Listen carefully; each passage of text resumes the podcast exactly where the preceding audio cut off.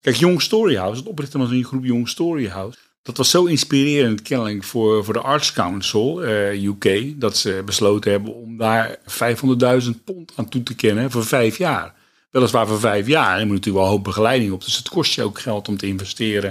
En een stukje educatie voor die groep te verzorgen. Maar ja, het is wel uh, mooi meegenomen. Het is wel superleuk. Dus zo zit, zit het zit continu nadenken over uh, nieuwe manieren, nieuwe wegen om, om dingen te benaderen.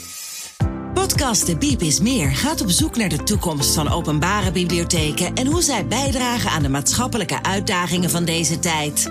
Met nieuws uit de sector, spraakmakende gasten en verrassende thema's word je meegenomen in de wereld van leesbevordering, digitaal burgerschap en participatie. De Biep is Meer is een initiatief van Matt Gubbels die jou wil informeren en inspireren. Hij gelooft in de kracht van podcasting en het verhaal van de bibliotheek. Welkom bij deze speciale aflevering die ik mocht maken voor een reisgezelschap dat op bezoek ging bij het befaamde Storyhouse in Chester. Op weg naar Chester in de trein was er gelegenheid om het bezoek voor te bereiden door het luisteren van deze podcast met het verhaal achter Storyhouse. En daarom sprak ik met niemand minder dan Erik Boekenstein, de man die innovatie ademt en die dat vooral doet door mooie voorbeelden uit het buitenland naar Nederland te brengen. Wat een heerlijke baan heeft die Erik toch. Ja, ja, dat is toch prachtig. We zijn nu uh, volop in voorbereiding. En eigenlijk ben ik al een maand uh, ja, een soort van tinteling van enthousiasme. Van wauw, wat is dit toch fantastisch dat we zulke uh, mooie positieve respons hebben gekregen op dat eerste idee. En dat er gelijk zo'n grote groep mensen enthousiast is om mee te gaan. We hebben natuurlijk best wel een rare tijd achter de rug. is al vaker gezegd natuurlijk van, van corona en allerlei beperkingen en dit en dat. En nu kunnen we weer reizen en ondanks het feit dat er misschien wel een hele stapel op de bureaus ligt bij iedereen, van we moeten de boel weer oppakken en hoe gaan we het doen, is er toch ruimte om, om met die open blik te gaan kijken, zelfs over de grens, van uh, wat, wat doen ze daar? En uh, de juiste nieuwsgierigheid om, uh, om eens verder te kijken dan je eigen organisatie, je eigen stad, je eigen regio en zelfs je eigen land. Voordat we op weg naar Chester uh, gaan en gaan beschrijven wat ze daar gaan aantreffen. Uh, Erik Boekenstein, ik, ik, ik ken jouw naam natuurlijk al jarenlang, maar het is de eerste keer dat we elkaar live ontmoeten. Voor de mensen die jou niet kennen, die in die trein zitten nu. Wat moeten zij weten over Erik? Oei, gelukkig zullen de meeste mensen mij wel kennen. Maar voor de mensen die helemaal niets van mij weten, want die zijn er ook wel. Ja, een leven lang gewerkt in de bibliotheeksector. Verschillende banen gehad. Begonnen bij de Centrale Discotheek in Rotterdam toen hij nog in de doelen zat. Uh, met OP's. De eerste cd's zag ik binnenkomen. Uh, ik was muzikant, uh, speelde veel, semi-professioneel. dus dat was de ideale baan. Praten met muzikanten over muziek en mensen over muziek. En daarnaast een zakcentje verdienen om in het weekend te spelen. Dus perfect. Een aantal jaren voor DOC gewerkt met heel veel plezier. Allerlei functies door het, door het veld. Ik heb eigenlijk alles gedaan met een bibliotheek wat je een beetje kan doen. Dus voor aan de balie staan tot en met innovatie, communicatie, marketing, event organiseren. Van alles en nog wat. Een eigen bedrijf, Doklab. En van een eigen bedrijf, Doklab, eigenlijk uh, naar de Koninklijke Bibliotheek. Waar ik nu al inmiddels, gaat tijd gaat zo snel, zes jaar. Met heel veel plezier uh, een stuk innovatie in bibliotheek in Nederland begeleid. Via van bibliotheek naar beter. Zo heet het. Mensen kunnen bellen en zeggen, Erik, uh, kan je mij helpen, ondersteunen bij een bepaald idee wat ik heb om dat de uitvoering te brengen. En internationaal, dat netwerk is, is, is waanzinnig. Ik heb het prachtig, ik ben echt gelukkig met een enorm mooi netwerk internationaal. Dus ik zorg ook dat sommige ideeën uit het buitenland hier ergens op een plek landen waar het dan opgepakt wordt. En andere mensen weer mee aan de slag kunnen, zeg maar. Echt een, de grote Erik Rader. Ja, ja, ja. Ja, goed, het Storyhouse hè, in eh, ja. Chester. We zijn daar naar op toe uh, op weg. Als de mensen er straks uitstappen in Chester, wat, wat, wat zien ze dan als eerste? Uh, het station natuurlijk. Uh, een oud, oud Engels station. Dat heeft al een bepaalde. Je hebt onmiddellijk een soort Engels gevoel. En daarna loop je de, het stad in. Het is een, een, een prachtig oud middeleeuws stadje. Het is echt een heel mooi, uh, goed, goed behouden, als je het kan zeggen. middeleeuwse stad met een muur eromheen. waar we nog overheen gaan lopen op de laatste dag, zeg maar. Het aantal mensen. Romeins, de racetrack is heel belangrijk. Uh, je hebt er een, een race, dat voor Engels. Je, Tuurlijk. Jij kent de Engelsen natuurlijk nog beter misschien dan ik. Dat is een belangrijk onderdeel van het leven, zeg maar, uh, de racetrack. Het ligt in de heuvels tegen Wales aan. Dus je, je kijkt eigenlijk vanuit de stad kijk je over Wales. Dat is ook wel goed te weten. Het ligt uh, ongeveer, nou, ik denk anderhalf uur op zijn max. Misschien wel minder een uurtje van Manchester, van Liverpool. Dus het is, het is een beetje een tussenin stadje eigenlijk. Zo'n 100.000 inwoners. Over het algemeen wel wat minder divers misschien dan andere steden in Engeland. Het is wel wat hoger opgeleid, denk ik, dan de gemiddelde stad in Engeland. Het is een beetje vergelijkbaar, misschien wel met Delft te vergelijken eigenlijk. Wat dat betreft zit er wel een soort link van wat hoger opgeleid. Een soort Delft in Engeland.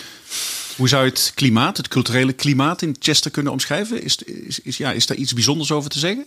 Nou, in die zin ja en nee. Er, is vanuit, ik denk vanuit nieuwsgierigheid en behoefte aan cultuur is er wel degelijk een, een grote groep mensen die, die daarin geïnteresseerd is. Uh, dus dat scheelt. Voor Storyhouse was, moet natuurlijk wel gezegd worden dat de, de, de bioscoop, wat origineel het gebouw van Storyhouse was, die was al jarenlang helemaal verlopen en vervallen en er was niks mee gedaan. Uh, Storyhouse begonnen door twee theaterproducenten, vanuit die cultuurhoek eigenlijk die veel openluchttheater deden, succesvol openluchttheater, maar eigenlijk op zoek waren en ook vonden dat er een gebouw moest zijn, uh, een huis voor, voor het theater. Dus eigenlijk, dat was de eerste prikkel van, als je kijkt door de why, waar we het even allemaal over hebben, dat was eigenlijk, we hebben een huis nodig voor cultuur in de stad, want zoveel is er niet op dat moment. Er is wel belangstelling, maar er is eigenlijk geen goed huis. Dat verhaal was zo sterk dat ze daar dus geld voor gekregen hebben om dat te gaan organiseren, maar wel onder de voorwaarden, wederom vergelijkbaar met, met Delft, van die kunst, uitleen, muziek. En, hè, al die instanties moesten in één gebouw onder één organisatie vallen. Ik denk dat die, die behoefte aan cultuur en belangstelling, nieuwsgierigheid naar cultuur er altijd geweest is. Maar het gebouw is eigenlijk, heeft, het heeft echt wel een boost gekregen door, door het, uh, het bouwen van het Storyhouse zelf. Is het toeval dat het Storyhouse juist in Chester ten wasdom is gekomen? Nee, dat denk ik niet. Ik denk dat het echt, juist door die reden, hè, er was geen gebouw en er was wel behoefte. Um, want dat, op dat moment dat het speelde, was het Engeland natuurlijk al jarenlang aan het bezuinigen. En dat weet je ook met budget cuts everywhere. Dus bibliotheken die, die zijn al jarenlang aan het worstelen overal. En hier was plotseling een substantieel bedrag uh, uh, klaar om dit te gaan doen vanuit de Arts Council en andere instanties. Dus dat is best wel bijzonder. ik denk dat dat mooi, dat, het verhaal was heel goed. Ik denk dat de bibliotheek in het gebouw was een succesvolle bibliotheek. En we ook wel bekend in Engeland als zodanig al. Ik eh, was een beetje geschrokken toen ik aankwam. Maar dat doe ik wel vaak als ik een Engeland bibliotheek bezoek. Ja, want de foto die ik ken van Storyhouse, ik zag die en toen dacht ik, nou, dat is niet heel erg eh, bijzonder, dat gebouw. Van de buitenkant, lijkt het. Roodstenen gebouw. Ja. Maar dat is wel anders als je binnenkomt. Het, is wel, het heeft wel art deco elementen die ze heel goed in stand gehouden hebben. Hè? Dus je, hebt, je, hebt, je ziet wel degelijk die, die beetje jaren twintig glamorous gevoel als je binnenkomt in het gebouw. Ten eerste als je binnenkomt in het gebouw nu, dan zie je gelijk uh, welcome stranger, weet je wel. Het is een welkomstwoord. Het, gebouw omarmt je echt. Dat is, dat is echt heel goed gelukt. En dat geeft ook wel een dat luxueuze gevoel. Veel van die, van die nissen en, en paden waar je doorheen kan lopen en ontdekken. Echt elke centimeter of het gebouw is er om een reden, weet je wel. Niets is zomaar. Alles is bedacht en aan alles is aandacht besteed. En dat hebben ze eigenlijk, want meestal is dat het eerste maand en daarna verwatert dat. Maar dat houden ze nog steeds goed vol zijn een aantal elementen waarvan ik denk van, nou, weet ik ik dat gedaan zou hebben. Maar sommige dingen moet je ook loslaten, want het is, uh, ja. Maar het is wel, over alles wordt er goed nagedacht. Nou goed, dat gaan de mensen straks, uh, straks uh, zien met eigen ogen. Maar laten we het hebben over het concept van Storyhouse. Want het lijkt heel simpel, hè? een verzameling van functies, hè, waaronder de bibliotheekfunctie. De theater, bioscoop en een, een, een mooi café-restaurant, echt een keuken, weet je wel. Dus dat, dat, dat samen in één gebouw met één organisatie. Wat is er zo bijzonder aan dat Storyhouse? Want ik moet heel eerlijk zeggen, je weet dat ik die vraag ga stellen. Wat is nou eigenlijk het verschil met een multifunctionele accommodatie zoals we die in Nederland op dit moment kennen? Ik denk dat er echt gedacht wordt vanuit ten eerste die, dat huiskamergevoel. Van, uh, het is een plek waar iedereen, hè, de, de, de marketingcampagne is this house is your house. Het is het huis in de stad, de huiskamer in de stad. Nou, dat horen we in Nederland natuurlijk ook wel vaker. Meer bibliotheken hebben datzelfde gedachtegoed. Waarom is het daar zo goed gelukt? Ik denk dat. Uh, ja, dan moet misschien toch even terug naar het moment. Waarom haalden ze Erik Boekstein op een bepaald moment erbij? Om daar, uh, waarom haalden ze mij erbij om een bepaald moment daar te gaan helpen om het voor elkaar te krijgen? Dat was het moment dat de bibliothecarissen eigenlijk bezwaren hadden. Of een beetje angstig waren over de toekomst. Van ja, we gaan nu werken voor theaterproducenten. Die snappen geen snars van, uh, van bibliotheken. En hoe moet dat in vredesnaam? Tweede reden was, we zijn een onderdeel van een netwerk van bibliotheken. Wat als nou die ene bibliotheek heel anders wordt dan de andere en je krijgt scheve blikken en dit en dat. Dus een stukje uh, angst daar.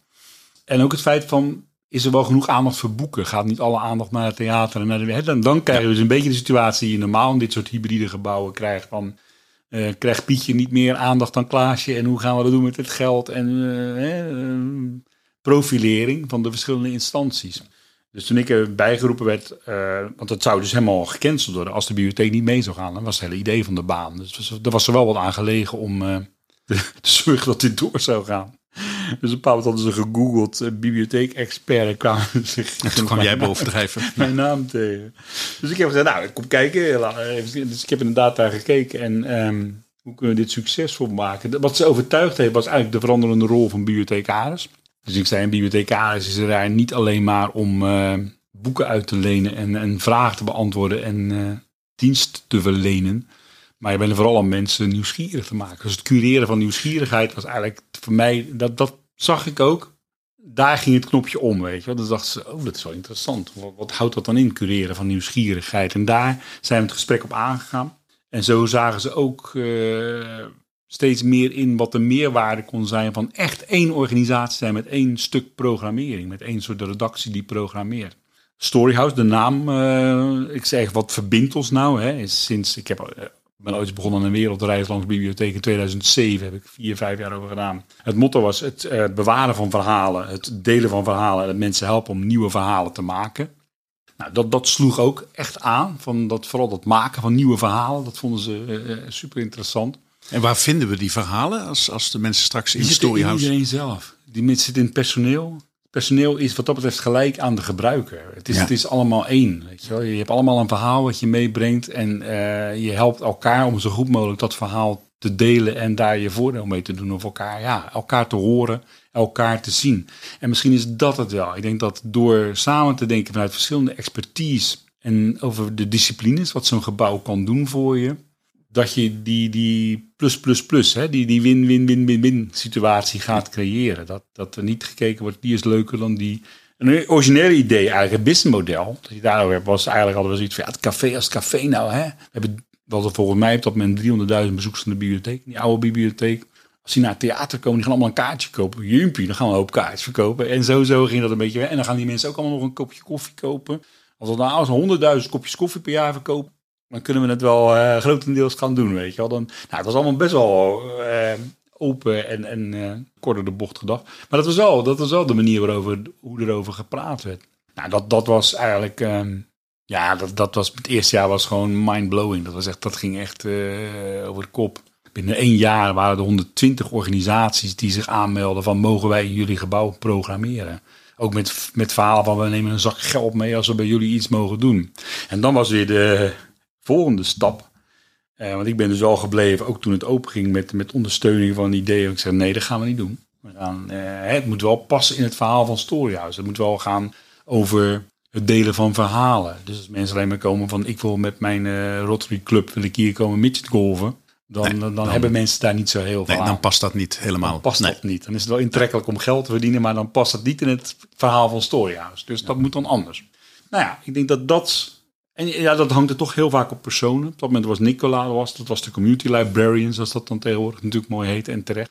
Ja, iemand die zo extreem goed was in het, eh, het verhaal vertellen van Storyhouse en, en mensen te woord staan. eh, vriendelijk, open, mogelijkheden zien, niet neven kopen. Ja, Het was, ja, alles viel gewoon op zijn plek. Ja. Zou je Storyhouse kunnen zien als het goede voorbeeld van de transitie van klassieke bibliotheek naar maatschappelijke bibliotheek? Hè, die hele omwenteling die we nu in Nederland aan het maken zijn? Nou, ik, of, of, of het als klassieke voorbeeld van, weet ik niet. Maar ik denk wel dat het voor iedereen een voorbeeld. Voor elke bibliotheek. Ik, ik raad elke bibliotheek aan om te gaan kijken. En gewoon het, in levende lijf te ervaren. Ga er een middag zitten, weet je, op verschillende plekken. En ga gewoon kijken hoe, hoe het gebouw gebruikt wordt. Wat er geprogrammeerd wordt. ehm. Dat, dat- nog een ding wat wel belangrijk om te zeggen is dat in eerste instantie waren die bibliothecaars dus te zijn te weinig boekenplanken. We hebben niet genoeg ruimte voor onze prachtige boeken. Dat heb ik dus gedaan. Ik ben een, eh, een rondje gemaakt door een oude bibliotheek. En het waren allemaal vieze, vuile tweedehands boeken. Ja, weg ermee dus. Hè? Wat we wel vaker zien in bibliotheken. We zijn van de tweedehands boeken. Maar het is moeilijk om afscheid te nemen Sommige zijn mooier dan andere. En ik heb ook gezegd van, joh, stel je voor dat je nou een, eh, hè, wat met geld, geld een nieuwe collectie kan aanschaffen. Wat meer abonnementen op tijdschriften kan nemen. Wat nieuwere tijdschriften kan nemen. En met een frisse blik naar die collectie gaat kijken. De tweede stap was, we gaan planken bouwen door het hele gebouw. Dus er komen planken komen er in het café, restaurant. Er komen planken tot in de, de, de kleedkamers van de artiesten komen de planken te staan, bij wijze van Ja, spreken. dus geen klassieke Dus geen klassieke bibliotheek. Dit is de afdeling bibliotheek, dit is de afdeling café, dit is de afdeling bioscoop. Nee, overal staan gewoon boeken. De biep is overal. De biep is een onderdeel van alles. Ja. Zoals ook alles een onderdeel van de biep is. Want als die artiesten die een, bezig zijn met het oefenen voor een voorstelling, die komen eh, in het café komen ze gewoon eten in een outfit. Dus als er een Shakespeare drama op is, dan zie je eh, Lady Macbeth plotseling door het café lopen en Ja. daar een, eh, een koffie verkeerd bestellen bij wijze van spreken. En dan kan je dan mee praten en dan, die kinderen gaan daar natuurlijk naartoe. En dat is allemaal een onderdeel van het, van het verhaal. Is dat de toegevoegde waarde? Die, die smeltkroes? Ja. Het, het, het feit dat het niet in hokjes zit, want dat is een beetje het gevoel bij mij bij die multifunctionele accommodaties in Nederland. Het zijn allemaal nog best wel hokjes. Aparte hokjes. En tuurlijk werken die samen. Hè, en dat gaat natuurlijk steeds beter. Maar hier heb je echt een smeltkroes. Nou, ik met je eens. Sommige bibliotheken hebben ge- geprobeerd en doen dat nog steeds. Bijvoorbeeld met, met, met eh, de Rabobank of een andere bank. Weet je wel, verschillende banken. Eh, bibliotheken die samen hebben gewerkt met eh, de gemeente. Dus bibliotheken waar je je paspoort kon halen, bij wijze van spreken, een apart loket. Dat werkt minder prettig, want er zit geen link tussen. Hè? Paspoort halen is iets waar je voor moet betalen, wat je niet echt leuk vindt. Eh nou, reizen wel, maar het paspoort dan niet. Ja. Maar eh, je begrijpt wat ik bedoel. Er zit een andere discipline dan dat je voor je ontspanning en gemak ergens in een ruimte een krant gaat lezen, gaat studeren of werken. Dus die twee die zijn moeilijker om die samen te brengen dan een museum en een bibliotheek of een eh, theater en een bi- een bioscoop. En, dat zit allemaal wat meer voor de hand liggend rondom plezier, verhalen en ook educatie. Je had het over, ja, geld verdienen is leuk, maar het moet wel passen. Wat is het verdienmodel van het Storyhouse? Want heel veel is gratis hè, voor de burger Ja, in ja, Chester en voor alle bezoekers die van buitenaf eh, komen. Hè, Het drankje moeten ze betalen en misschien het theaterkaartje, maar heel veel is gratis. Hoe, hoe krijgen jullie dat rond? Nou, door, door het grote, hè, door de drukte. Het is, het is altijd druk. Openingstijden, hè, het is vanaf 8 uur s ochtends tot, Tot eh, 11, hè? Tot 11 uur s avonds, zeven dagen in de week geopend. Je kan om 's ochtends om 8 uur kan je daar gaan ontbijten in je bibliotheek. Heerlijk, heerlijk. Dat is natuurlijk heerlijk. Dus nou ja, en, en de mensen maken ook echt wel van gebruiken de pauzes van. En, en dan lopen ze even naar een krantje pakken en een krantje lezen. Dus die onderlinge diensten, ook in de avonden, worden goed gebruikt. Het is een goed lopend eh horeca-etablissement. Dus er wordt veel gegeten. Veel, eh, dus dat brengt allemaal geld in het laadje. En ook daadwerkelijk door de grote, hoeveelheid bezoekers. En door mensen meer gewezen worden op eh, wat er allemaal te doen is. Gaan worden er ook meer kaarten verkocht. Er staan in het café-restaurant drie van die kiosken waar je je kaartje kan kopen. Kan je met je telefoon gewoon doen. Allemaal makkelijk gemaakt. Weet je. Dus die, die, het is eigenlijk bij wijze van spreken zoals de snoep bij de kassa van de supermarkt. Is het daar heel makkelijk om even een kaartje te kopen. Nou ja, dat, ze doen nog steeds dat outdoor gebeuren, dat theater. Dus dat is ook, ze hebben nou ook de bioscoop naar buiten gebracht. Ze doen de openluchtbioscoop, Moonlight, Flix heet dat. Alles wat eigenlijk gedaan wordt is buitengewoon succesvol. Dus die naam is gewoon, eh, ja, het is inmiddels na vijf, zes jaar is het heel erg omarmd. Dat, eh, dat gebouw door de hele bevolking. Als je nou even een doorkijkje maakt naar de impact die Storyhouse heeft op het leven van mensen. Ja. Kun je daar iets over zeggen? En dan los van het Ja. meten en Oh, monitoren. Dat is, hè? wel, dat is wel bijzonder. Nou ja, ik, gek voorbeeld wat me nu te binnen schiet, eh, dat heeft dan niet zozeer met impact te maken. Is bijvoorbeeld, eh, ik was een keer daar voor een vergadering. Ik, kan, ik zit in het bestuur, dus ik kom dan met regelmaat daar voor vergaderingen. Was het jaarverslag deden ze dus live op het podium. Dus Het jaarverslag van, en dat is echt bijvoorbeeld, een, een van de onderdelen is de Fallen Angels. Dat is een groep die ze opgericht hebben. Een van de samenwerkingspartners van mensen die uit de, de verslaving, de zorg komen, zeg maar. Die, die gingen een eigen, met een choreograaf een eigen dansgroep ontwikkelen. Inmiddels is dat zo'n succesverhaal met, met een, een film die ze gemaakt hebben. Een filmfestival in, eh, ergens in Europa gedraaid heeft. En, Ja. Dus er zit een hele link in. Dus dat is, als je zegt een impact, dat werd dus als in het jaarverslag. Wat hebben we gedaan met de Fallen Angels dit jaar? Er is een groep Jong Storyhouse opgericht al een aantal jaar geleden. Van 8 tot 24, 25 kids. Die gewoon deelnemen in het bestuur. Dus er zitten er twee van in het bestuur. Eh, die denken ook na over eh, wat vinden we nou van die gender-free toiletten. Weet je wel, moeten die anders? Zijn die meer toegankelijk? Denken mee over de inrichting van het gebouw. Dus die hebben echt een, iets te zeggen over wat het gebouw is en wat ze nodig hebben in dat gebouw. Dat is een deel, die krijgen daarbij ook een opleiding. Er verschillende disciplines. Hè. Als eh, sommigen geïnteresseerd zijn van de jongeren in marketing, ook al is het een 12-jarige, dan krijgt hij een stukje opleiding marketing. Van wat heb je dan nodig om dat te leren? Dus daar zit, er zit ook echt een educatiemodel achter. Dus dat heeft ook weer impact op de jongeren die dat weer meenemen. Ander voorbeeld is, een paar hadden ze... Want Chester lijkt natuurlijk heel mooi eh, en zonder problemen. Dat is natuurlijk ook niet zo. Ze hadden de Rocky Horror Show. Nou, hadden ze dus een paar hadden ze die opgevoerd. En er was een groep die protesteerde omdat het uh, te gay zou zijn. Het zou te veel geënt zijn op uh, homoseksualiteit. En daar hadden ze dan een probleem mee. Een wat christelijke groep in Chester, die je kennelijk dus ook hebt. Dus die waren op straat gegaan van No Rocky Horror Show in Storyhouse. Dat is ook ons Storyhouse. This is my house. Dat krijg je natuurlijk. Als je iets echt op een off-by-for-all manier, zeg maar op een manier co-programmeert met je bevolking, dan heb je altijd een andere groep van de bevolking die het misschien wel minder leuk vindt of die er aanstoot aan neemt. Dat moet je incalculeren. In dit geval gingen dus zowel de acteurs als, als mensen die het wel mooi vonden in Storyhouse, gingen een tegendemonstratie organiseren. En die gingen dus uh, de straat op. Uh, en dat liep allemaal heel zonder geweld af. Maar wel om te laten zien van, hè, we laten ons niet zomaar wegpesten. Ja. Uh, we doen het samen. Dus en als je dat bekijkt in de hedendaagse woke-cultuur die, die aan het opkomen is, is er plaats voor woke in het Storyhouse? Nou, als je, als je woke omschrijft als. Wat, wat ik erbij voorstel is dat je. Dat haakt ook een beetje op de Antonia Siri-campagne, weet je wel. Dat je ment, woke is dat je hoe dan ook iedereen met respect behandelt.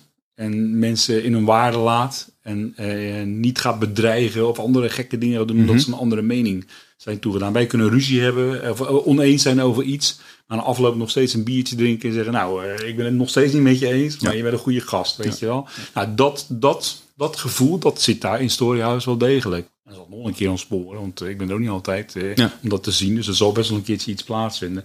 Maar wat ik merk is dat, nou, this is house is your house zit er wel, zit er wel echt in. Uh, dat, dat leeft ook wel. Dat is ook wel, dat zullen mensen ook wel zien. Er staan een aantal van die, die veranderen ook iedere keer. Een aantal van die slogans op de muur geschreven. Maar dat, dat, dat speelt ook wel in op dat soort emoties. Van, van respecteren, het elkaar zien.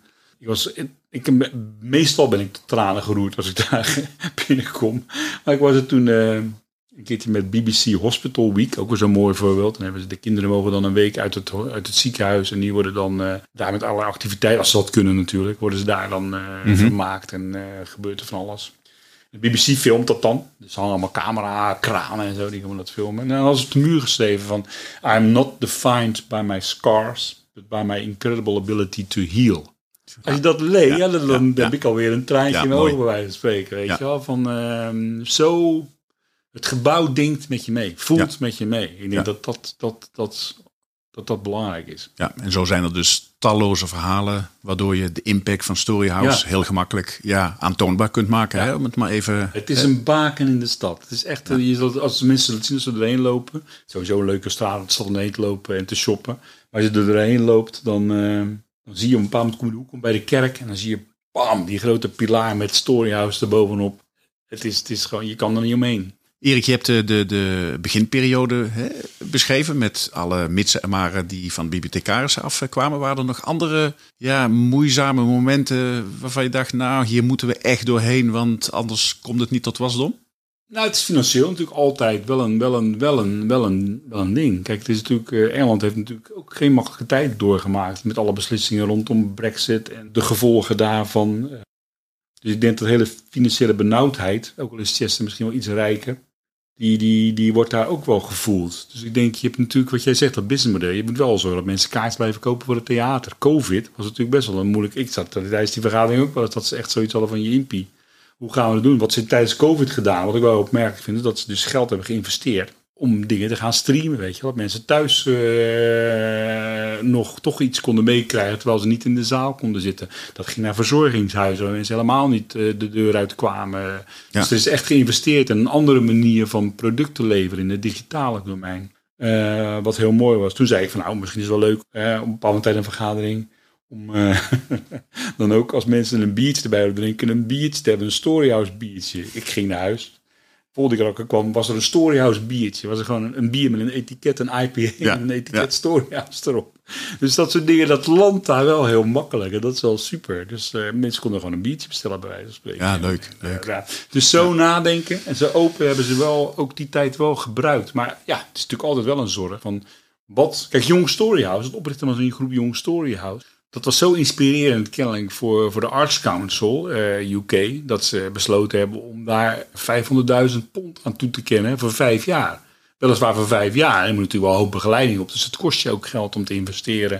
En een stukje educatie voor die groep te verzorgen. Maar ja, het is wel uh, mooi meegenomen. Het is wel superleuk. Dus zo zit, zit het zit continu nadenken over uh, nieuwe manieren, nieuwe wegen om, om dingen te benaderen.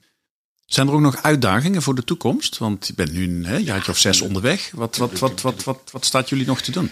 Nou ja, uh, de missie is uh, to build stronger communities by connecting lives, culture and stories. Dat, dat bouwen van sterkere communities, van gemeenschappen, zeg maar, groepen mensen, dat, dat, dat, dat blijft gewoon altijd. Dat moet je ook blijvend cureren. Dus die uitdaging om dat goed te doen, die zal er altijd zijn. Het hangt altijd aan mensen. Kijk, een van de mede-oprichters, Alex, Alex Clifton, sommige mensen die zullen nog herinneren van het begin die de Story zo lang kennen. Uh, die kreeg uh, een baan aangeboden omdat mensen lucht kregen van zijn werk in Hongkong bij Disney. Die is met zijn hele familie naar Hongkong gegaan. Dat was echt een aanbod dat hij niet kon afslaan, financieel gezien ook uh, ja, en dergelijke. Ja. En ook qua uitdaging.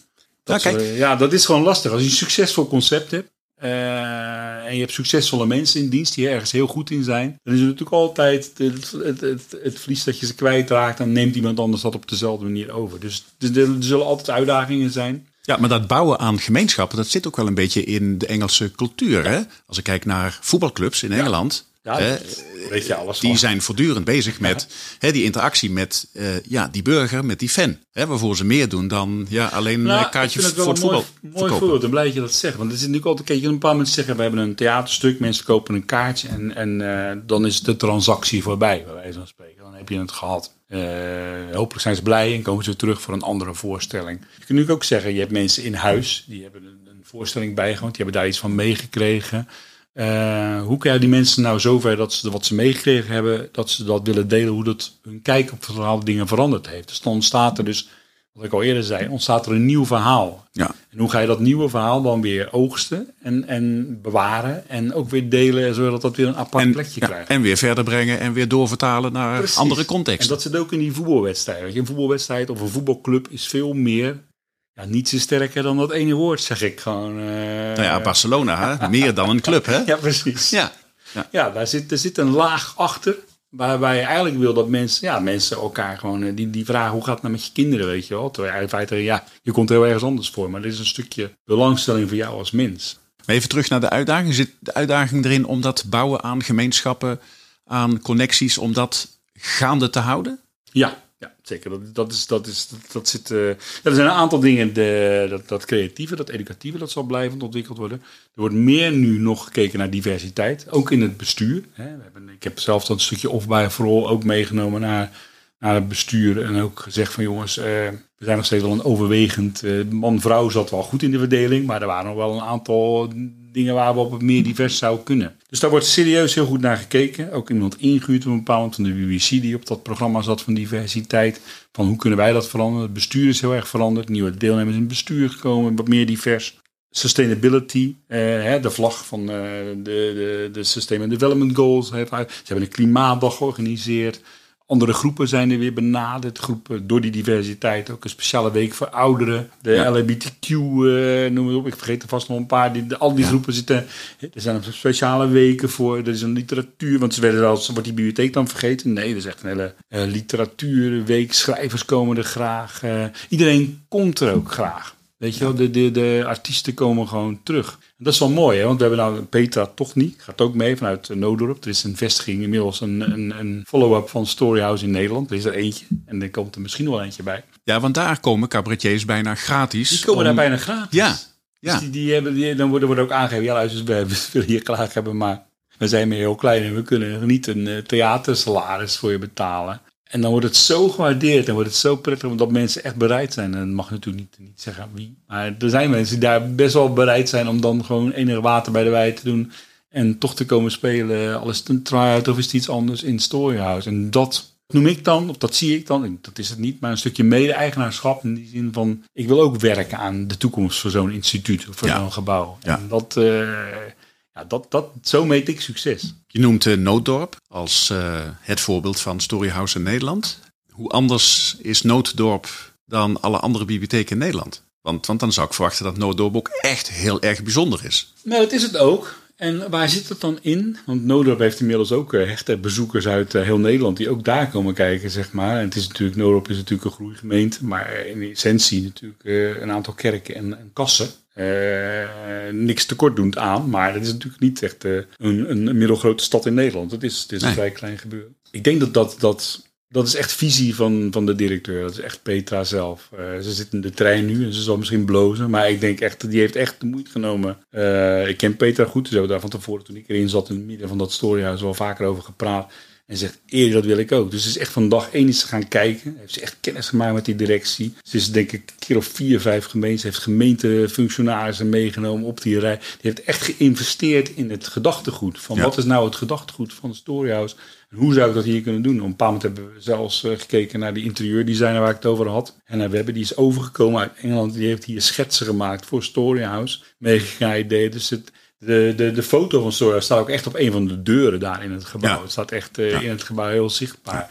Dus er is echt gewoon de, niet gedacht van ik ga mijn eigen dingetje doen en ik ga iets nieuws bedenken en dan zet ik mijn eigen stempel op en dan is het van mij. Dat is het natuurlijk wel, want Peter heeft dat gedaan. Het is haar werk. Maar ze heeft zich ook opengesteld om echt te luisteren en te kijken hoe het ergens anders kan en wat kan ik daarvan gebruiken en ja. daar ook erkenning voor geven. Ja. Maar het implanteren van Storyhouse in Nederland, dat is niet iets dat je even zomaar doet. Ja, het is een, je moet een goed verhaal hebben en er heilig in geloven. Je moet er echt met weer dat verhaal, weer dat verhaal. Ja. ja. Nou goed, ik ga Petra interviewen, want er komt nog een speciale podcast hè, over uh, Storyhouse in Nederland. Um, mensen komen straks aan.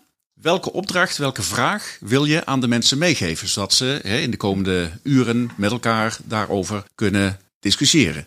Kijk, we hebben in, ik heb in mijn, mijn van bibliotheek naar beter bureau heb ik een aantal van die vragen leggen uit verschillende plekken in Nederland die, die ook belangstelling hebben om een dergelijk gebouw te zetten. Hoe doe je dat dan, Erik? Dus er zijn al een aantal aspecten en er zijn hybride gebouwen, multifunctionele gebouwen in Nederland natuurlijk. Dus ik zou willen vragen aan de mensen om over te praten van welke elementen van Storyhouse hebben we in Nederland al? Wat hebben we eigenlijk in, in huis? Een vervolgvraag zou zijn, wat zijn dan de obstakels hè, die mogelijk ons beperken om dit te ontwikkelen? Wat mm -hmm. houdt ons tegen eigenlijk? Uh, waarom, waarom hebben we er niet al vijf, zes? Ik heb zoiets van waarom laten we er niet meer ontwikkelen? Hoe gaan we dat doen? En daarbij, hoe gaan we dat doen, zou ik dan ook willen vragen als derde vraag. Wat zou er nodig zijn om dit, deze ontwikkeling te ondersteunen? Dus waar, waar zou hulp bij nodig zijn en hoe kunnen we die hulp aanbieden? Denk ja. daar eens over mee. Ja, nou dat zijn mooie vragen. En niet ja. zomaar gemakkelijk te beantwoorden vragen. Nou, het is in ieder geval een goed gespreksonderwerp. We krijgen natuurlijk ook daar in Storyhouse, als jullie er zijn, de dag daarna een, een bijeenkomst met de top, top op de bil van de Engelse bibliotheek zien. Die komt allemaal mee. Een aantal presentaties in Nederland, een paar Engelse presentaties, met name over het netwerk, werken en netwerk. Maar laten we ook eens praten met elkaar over van, joh, als we dit nou mooi vinden. We hebben allemaal een tour gehad en we hebben allemaal het verhaal gehoord. Van hoe gaan we dat dan zelf doen? Hoe gaan we dit, uh, en misschien elementen hiervan als je wil kiezen. Maar hoe kan je dit meenemen en, en je voordeel mee doen? Moeten ze nog op bijzondere dingen letten als ze in Storyhouse rondlopen? Je had het over al die Let op hoeken. de mensen, let op de mensen. Let op de gezichten. Let, gewoon om, let op gewoon om wat je om je heen ziet. En probeer gewoon te zien hoeveel liefde en aandacht erin gestopt wordt. Continu, weet je. Het is niet iets wat je oplevert en waarmee je mee klaar bent. En dan een jaar of zeven zeggen, nou we moeten maar eens gaan verbouwen. Nee, het is gewoon iets wat je echt gewoon... Uh, ja, ik, als ik daar loop, zie ik iedere keer weer de liefde en aandacht die er elke keer weer ingestoken wordt. En dat, dat, probeer dat ook te zien. Ik denk dat dat mijn grootste tip is. Dan, uh, en let gewoon op het gezicht van de mensen die er zitten. Dat echt genoeg. Nou, dat is mooi. Dat is mooi. Zeker voor mij als socioloog. Let op de mensen. Um, Erik, dankjewel. Ik ben heel benieuwd met welk verhaal jullie straks terugkomen uit uh, Chester. Ik, uh, ik ben natuurlijk ook altijd nieuwsgierig. Het is een ontzettend leuke groep. Ik heb er alle, alle vertrouwen in dat dat een, uh, een hele mooie belevenis wordt. Maar ik kijk enorm uit naar de reis. En uh, mensen, we gaan een leuke tijd tegemoet. Veel plezier. Bedankt voor het luisteren naar deze aflevering van De Biep is Meer. Heb je zelf een mooi verhaal om te vertellen? Neem dan contact op via info.onderzoekmeteffect.nl De Biep is Meer is een initiatief van Matt Gubbels. Hij gelooft in de kracht van podcasting en het verhaal van de bibliotheek. Graag tot een volgende keer.